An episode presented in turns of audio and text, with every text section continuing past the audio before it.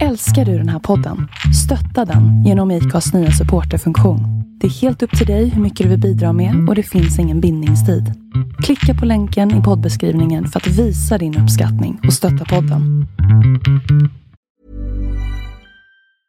I'm Sandra, and I'm just the professional your small business was looking for. But you didn't hire me because you didn't use LinkedIn jobs. LinkedIn has professionals you can't find anywhere else, including those who aren't actively looking for a new job but might be open to the perfect role, like me.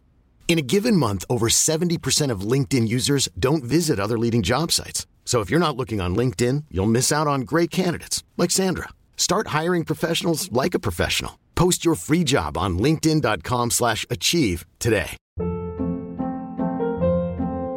Hold up. What was that? Boring. No flavor. That was as bad as those leftovers you ate all week. Kiki Palmer here, and it's time to say hello to something fresh and guilt-free. Hello Fresh. Jazz up dinner with pecan-crusted chicken or garlic butter shrimp scampi. Now that's music to my mouth. Hello Fresh. Let's get this dinner party started. Discover all the delicious possibilities at hellofresh.com.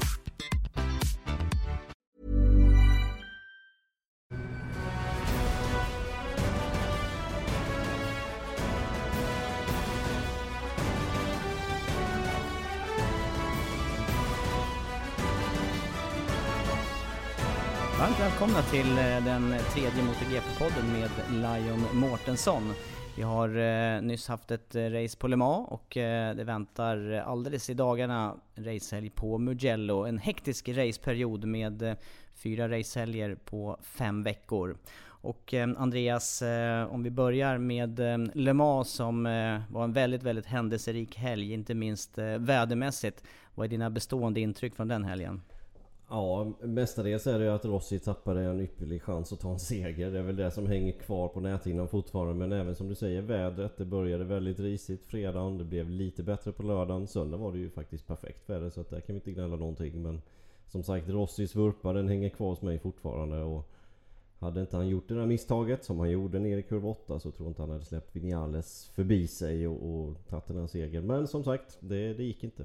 Nej, det är väldigt ovanligt eh, att se Rossi göra de där misstagen i slutet av race.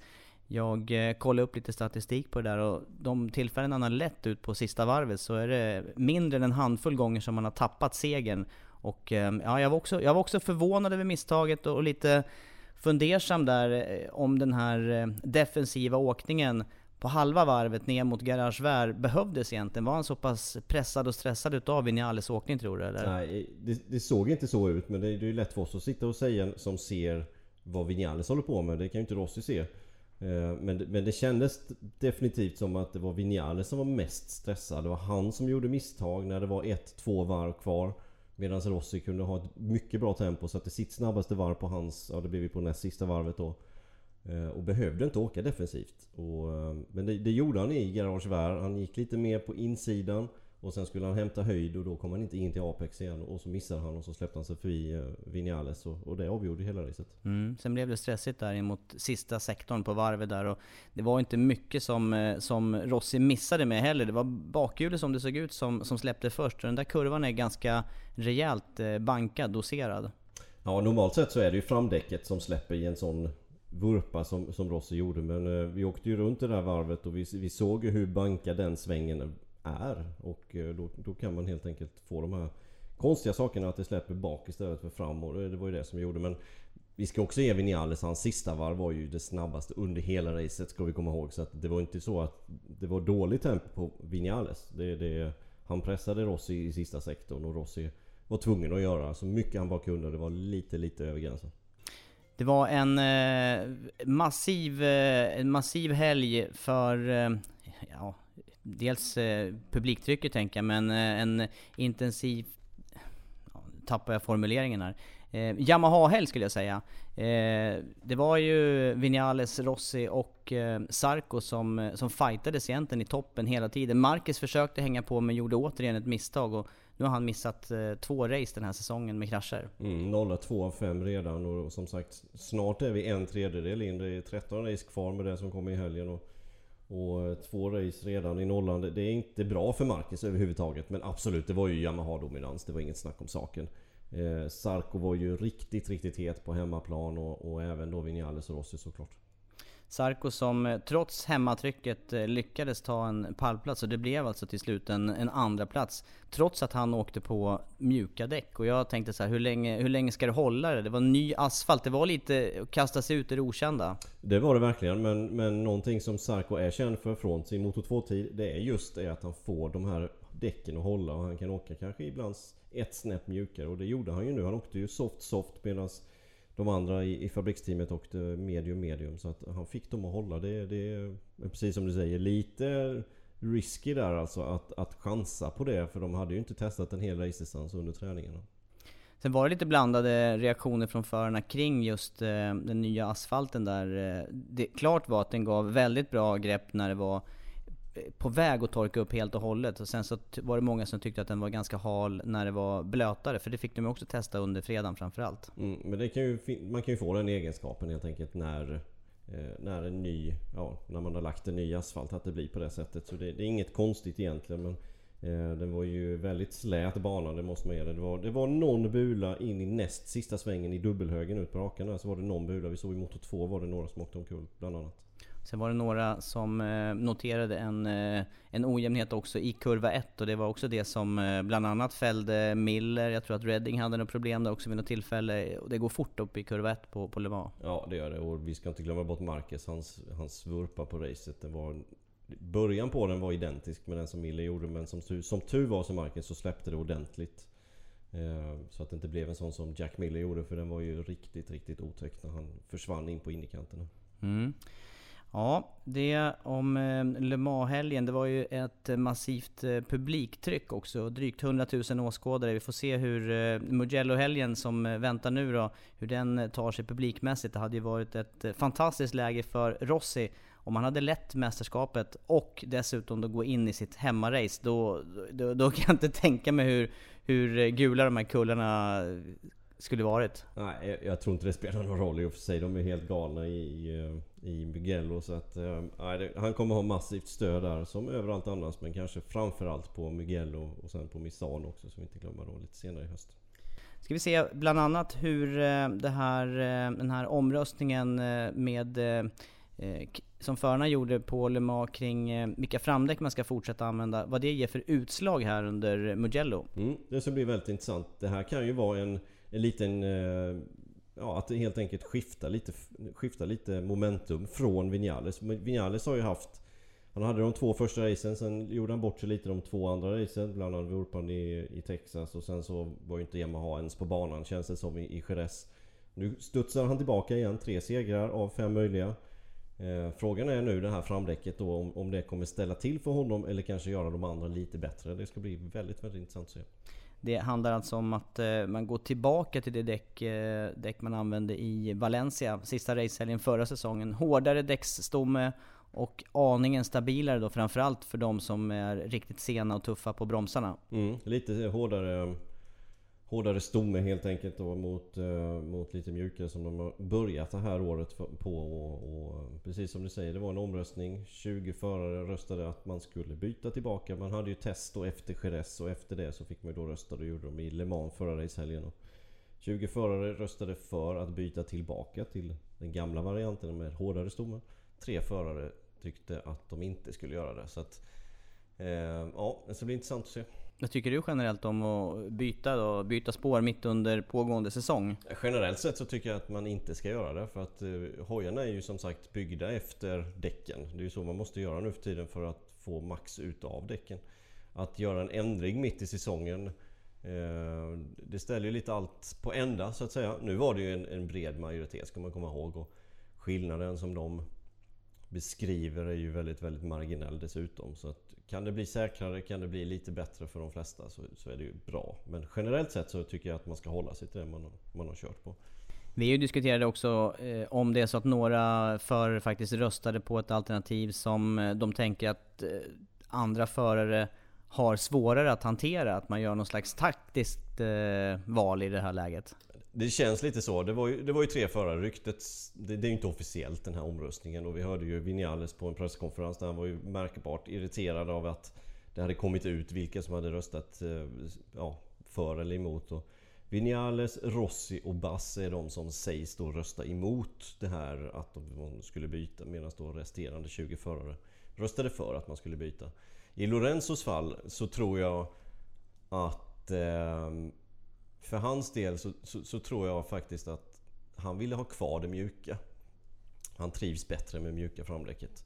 Eh, men däremot i Vinales så, så, är jag väldigt tveksam faktiskt. För att jag tror det kan funka lika bra för honom med, med den hårda stommen som den mjuka. Men det har ju funkat väldigt bra med den mjuka, kan man ju inte säga någonting annat. Och det har funkat väldigt dåligt för många andra. Så att där är jag lite mer tveksam. Det kanske var ett lite mer taktiskt val. Och Bass har jag faktiskt ingen aning om. Nej, utfallet blev i alla fall att eh, det hårdare däckstommen kommer att användas från kommande racehelg på Mugello. Annars en, eh, en stor och eh, jobbig, tragisk nyhet under, eh, under Le Mans-helgen var ju att eh, Nicky Hayden som eh, var MotoGP-världsmästare säsongen 2006 eh, råkade ut för en cykelolycka. Och den hände i Italien. Eh, låg svårt skadad under helgen som eh, GP pågick på Le Mans och eh, eh, avled sedan efter helgen på måndagen på, på sjukhus i Italien. Och det här är ju på något vis, eh, det, det la ju sordin till stor del på, på helgen i Frankrike. Men eh, även på eh, senaste World Superbike på Donington till exempel. Och, ja, det har varit extremt mycket hyllningar kring eh, den här föraren som är väldigt omtyckt, eller var väldigt omtyckt på, i många läger. Ja, jätte, jätte, jätte tragiskt. Eh, det är inget annat man kan säga egentligen. Jag är själv nästan lite, jag känner inte honom men man är själv lite ledsen över detta faktiskt och, och känner sig lite nere. Och, och eh, man kan inte tänka sig hur deras, hans anhöriga känner då och de som kände honom. Det vill säga nästan hela MotoGP-depån. Nej, oerhört tragiskt självklart och eh, det har precis som du säger, det har lagt lite sorti över alltihopa. Det har, det är knappt några nyheter överhuvudtaget i MotoGP-världen som har kommit ut. Utan allting som har kommit ut de senaste veckorna har varit hyllningar till Nicky Hayden. Med, med all rätt såklart, det är inget snack om saken. Och nu i Mugello så väntas ju lite, lite minnesstund. Eh, 69 sekunders tyst minut ska det ju vara precis innan racet är sagt. Och, och dessutom så har de ställt upp fyra utav hans hojar. Bland annat världsmästarhojen från 2006 i depån i Mugello. Där folk ändå kan lämna lite blommor och lite, lite sånt. Så att, eh, ja, tråkigt.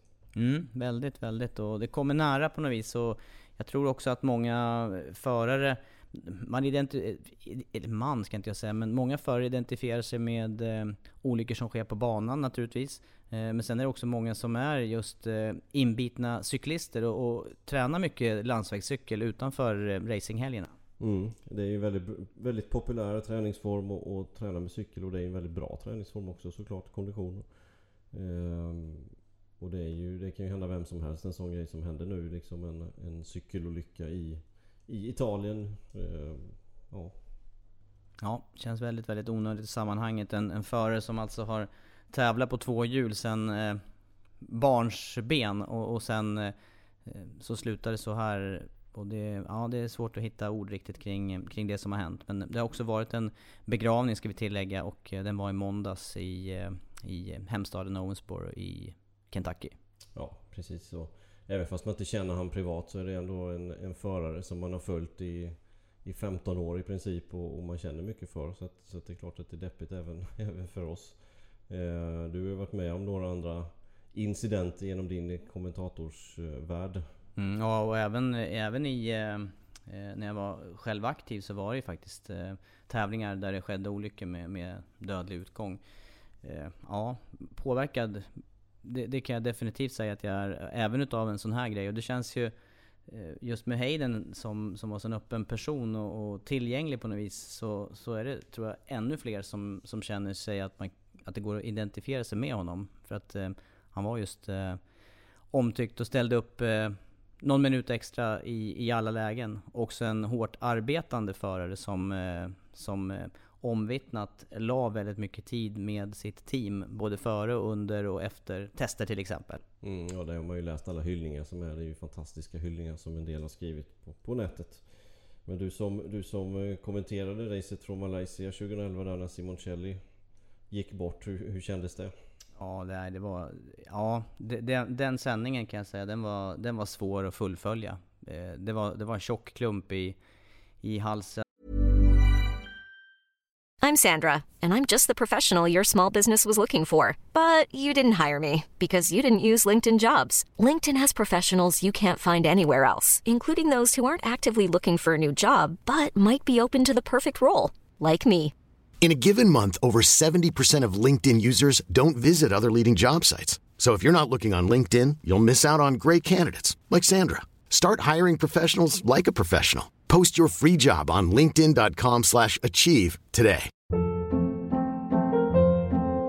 Hold up. What was that? Boring. No flavor. That was as bad as those leftovers you ate all week. Kiki Palmer here, and it's time to say hello to something fresh and guilt-free. Hello Fresh. Jazz up dinner with pecan-crusted chicken or garlic butter shrimp scampi. Now that's music to my mouth. Hello Fresh. Let's get this dinner party started. Discover all the delicious possibilities at hellofresh.com. Hey there, it's Michelle Norris. I'm host of a podcast called Your Mama's Kitchen. When I travel, I'm usually looking for a way to find a taste of home when I'm not at home. And one of the things I love to do when I am at home is entertain. And Airbnb allows me to do that. When I was in California recently, I rented a house that had a great kitchen. And when we were sitting around the table, we we're all thinking, we're in someone else's house. Someone could be in all of our homes as well. If you have a home, but you're not always at home, you have an Airbnb. Your home might be worth more than you think. Find out how much at airbnb.com/slash host. hela, och i bröstet hela sändningen ut och fortsättningen på dagen där, den, ja det var bara som ett svart hål. Jag, jag tror jag bara låg ner på rygg. Det, det var faktiskt den känslan. Det, det, det så, vi har ju sett många olyckor båda två, både som aktiva och vid sidan av. Och det går ju på något vis att, att se att det där, det där var inte bra det som skedde. Det, det ser, det ser illa ut direkt. Ja, nej, den såg man direkt att det var ingen bra faktiskt. Speciellt inte när hjälmen flög iväg. Då var det riktigt, riktigt risigt. Och, ja, det var tur man bröt den dagen så det inte blev allt för länge heller för Nej, alla inblandade. nej, stämmer. Det racet kördes ju inte. Och det är ju något ovanligt i de här sammanhangen också.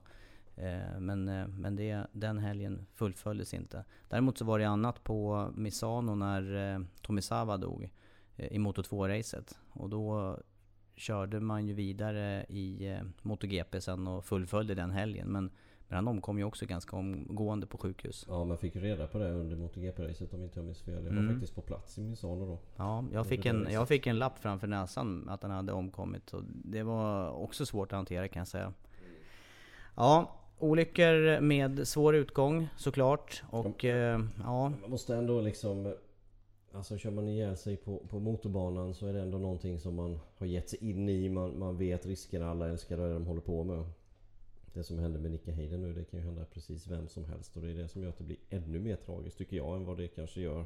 Det är tragiskt såklart när någon kör ihjäl sig på motorbanan också. Men, men då vet man ändå förutsättningarna från början när man ger sig ut. Jo, på något sätt så är det, så är det en annat, ett annat risktänkande och man har tagit det beslutet. Men, men som sagt var på en cykeltur känns ju inte ens som att, eh, som att den tanken finns innan. Nej, det gör det faktiskt inte. Valentino Rossi har också eh, råkat ut för olycka här efter Le Mans. Han eh, tränar motocross igen, får man väl säga då. Det, jag vet inte riktigt om det, om det var så genomtänkt. Eh, för han eh, gjorde illa sig för några år sedan också, just i motocross, och sa att nej, nu får det räcka med motocross. Nu är det flat track, dirt track som gäller. Men eh, hur gick det här till då?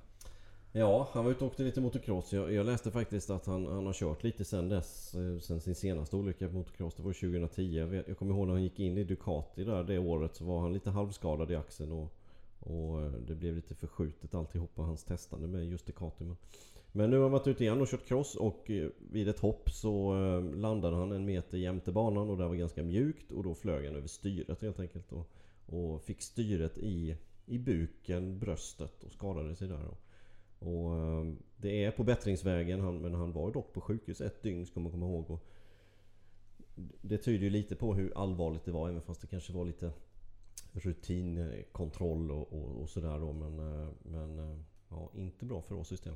Nej, det är ju som du säger också mage, lever, njurar och jag minns till exempel en krasch på Donington med Carlos Checa för massa år sedan.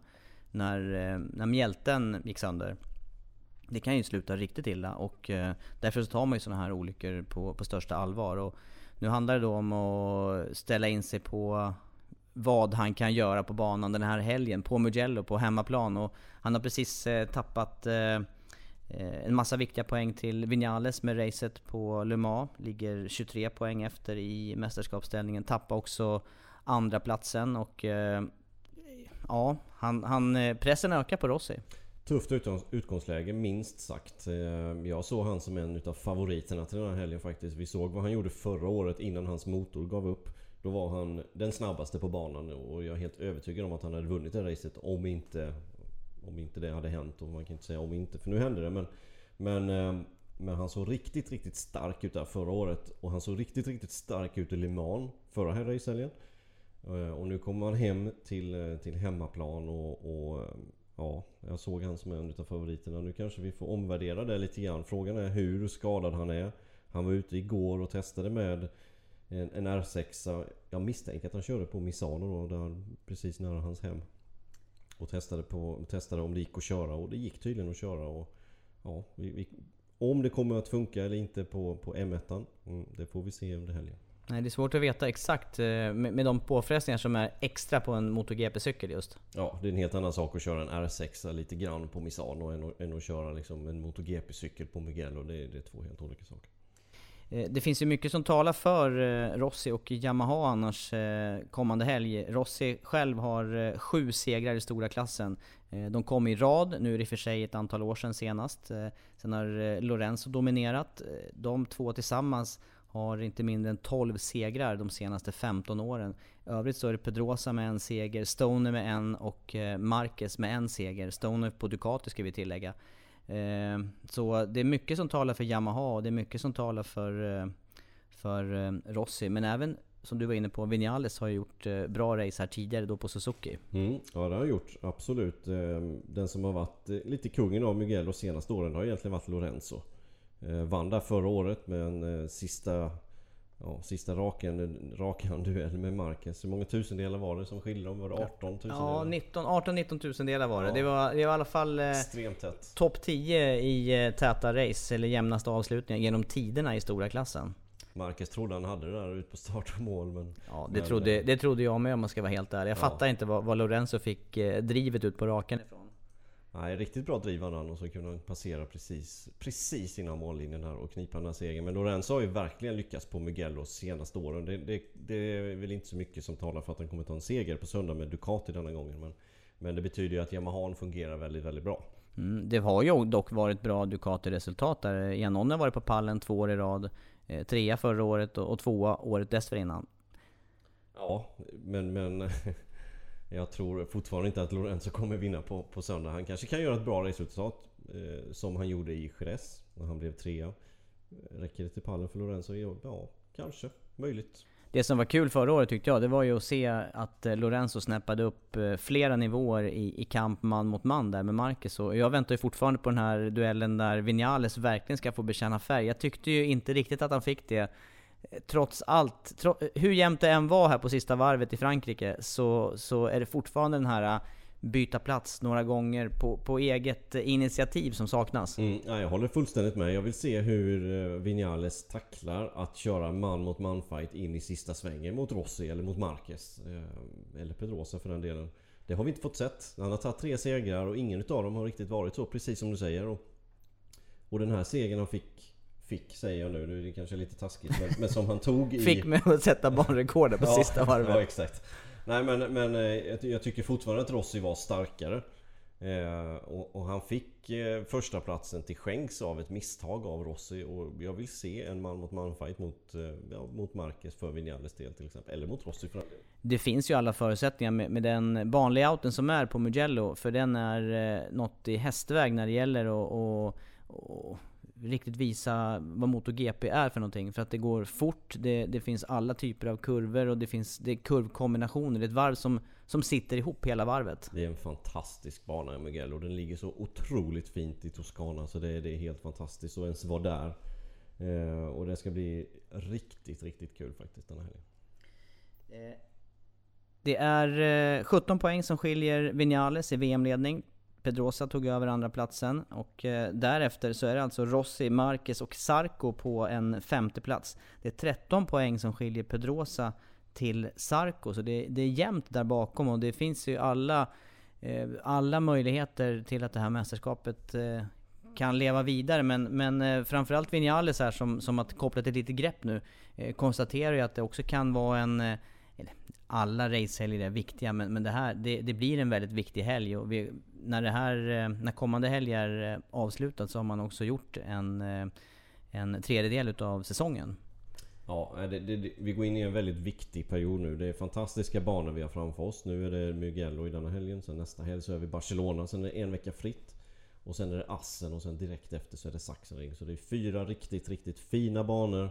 Med mycket publik och de, de är viktiga att få det här lilla momentumet innan vi kommer sen till sommaruppehållet.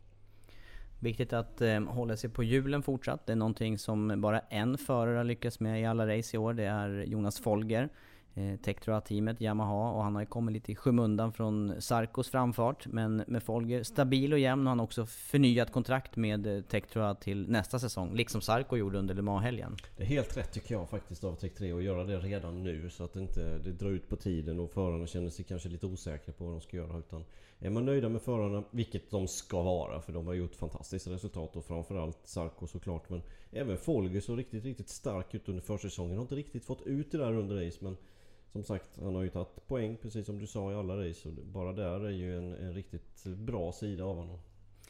Vad tittar eh, teamen på eh, rent motorcykelmässigt då för den här helgen som väntar? För att, för att hitta bästa lösningen på att ta sig runt varvet så snabbt som möjligt. Viktigt på Mugello det är ju kursändringarna såklart. För det, är ju många från vänster till höger, från höger till vänster. Många sådana partier. Speciellt i inledningen på varvet men även i slutet där vi såg Lorenzo och, Marcus förra året och även där Rossi kraschade då sista chikanen innan man vände ut igen. Så kursändringen är eh, väldigt, väldigt viktig. Sen brukar man göra hojen lite längre på Mugello just för att få en lite stabilare hoj för det är ganska många snabba svängar. Eh, och det kan också få att man kan bromsa lite hårdare för det, är en riktigt, riktigt lång raksträcka ska vi komma ihåg. Eh, riktigt svår inbromsning ner i kurva 1. Mm. Och det gäller motorcyklarna. Sen har vi allt som, som rör sig i eh, förarnas huvuden. För att det är också en bana som, eh, som även i stora klassen erbjuder möjligheter till taktisk åkning eller slipstreaming. Och det gäller också att placera sig rätt inför en eventuell jämn avslutning på loppet. Mm, och även på kvalet. Såg vi inte det förra året? Det var Vinales och Rossi som hjälpte varandra lite grann på kvalen för att få lite slipstreaming till exempel. Så det, det, är som sagt väldigt lång raka som, som bjuder upp till bra race också. Bra inbromsning i kurva 1. Förhoppningen är också att det kommer att hålla sig eh, torrt under helgen. Det brukar vara bra väder vid den här årstiden i eh, bergen ovanför Florens. Och eh, är det så, så, så kommer det vara en fantastisk helg att följa. Ja, för, alltså jag verkligen hoppas nu att vi får första helgen med bra väder hela helgen. För det har vi inte haft i något race. Utan någon, no, alltid någonting som har varit regnstört. Och jag hoppas vi kan få bra förutsättningar från race, eller från träning nummer ett här imorgon. Och eh, redan innan vi har sett förarna och eh, teamen på banan, har du någon eh, topp tre gissning, eh, tips, stalltips inför, ja. Inför söndagen? Alltså, mm, jag hade ju, jag, jag, tror ju på Rossi, jag tror på Rossi på hemmaplan. Men nu, nu åker han lite skadad. Eh, så att jag, jag säger Vinales kommer vinna, Rossi kommer bli tvåa, Marcus kommer bli trea. Mm, två Yamaha och en Honda i så fall på pallen. Mm. Mm. Jag lägger ner min röst så länge här och så, så har jag ingenting sagt. Nej, men jag tycker det, tyder, det, det, det, känns som att det är lite fördel Yamaha på den här banan. Eh, mycket nedlägg, man, har, man behöver ganska mycket edge grip. Det är fäste, bra fäste i banan, det vet vi. Det, det är någonting som Yamaha kan ta fördel av, speciellt ut i svängarna. När det är dåligt fäste så, så lider Hondan inte speciellt mycket av det för de har inte speciellt bra fäste ut ändå. Men när det är bra då kan Yamaha istället trycka på ordentligt. Så att det, det, känns som att det är lite fördel Yamaha så här innan vi har gått in i racehelgen. Men som sagt, jag, ja, jag är öppen för allt. Mm, sen får vi se hur Marcus hanterar eh, bromsningarna till exempel. Han hade stora problem under förra året och, och pricka till exempel bromsningen in i kurva 1. Eh, möjligtvis då aningen bättre här med, ett, eh, med en hårdare stomme på framdäcket som vi inte heller har sett på Mugello ännu. Nej, och det ska bli väldigt, väldigt, väldigt intressant att se hur, vem som kommer lida utav det och vem som kommer få fördel utav det. Eh, om Vinales då har gjort sitt taktiska val eller om det är så helt enkelt att ja, att det inte stämmer för honom och då kommer han kanske inte vinna med det däcket. Ja, jätteintressant att se. Ja, ni får gärna fortsätta spekulera också Emma på kammaren. Jag tänker att eh, det här får avrunda den tredje MotoGP-podden med eh, Lion och Mårtensson och eh, ni följer oss såklart på Viasat Motor. Racestart eh, klockan 14.00 på söndag från Hej, det är Paige DeSorbo från Giggly Squad. High quality fashion without the price tag. Say hello to Quince. I'm snagging high-end essentials like cozy cashmere sweaters, sleek leather jackets, fine jewelry, and so much more. With Quince being 50 to 80% less than similar brands. And they partner with factories that prioritize safe, ethical, and responsible manufacturing. I love that. Luxury quality within reach. Go to quince.com slash style to get free shipping and 365-day returns on your next order. quince.com slash style. Ever catch yourself eating the same flavorless dinner three days in a row? Dreaming of something better? Well, HelloFresh is your guilt-free dream come true, baby. It's me, Gigi Palmer. Let's wake up those taste buds with hot, juicy pecan-crusted chicken or garlic butter shrimp scampi. Mm. Hello Fresh. Stop dreaming of all the delicious possibilities and dig in at HelloFresh.com. Let's get this dinner party started.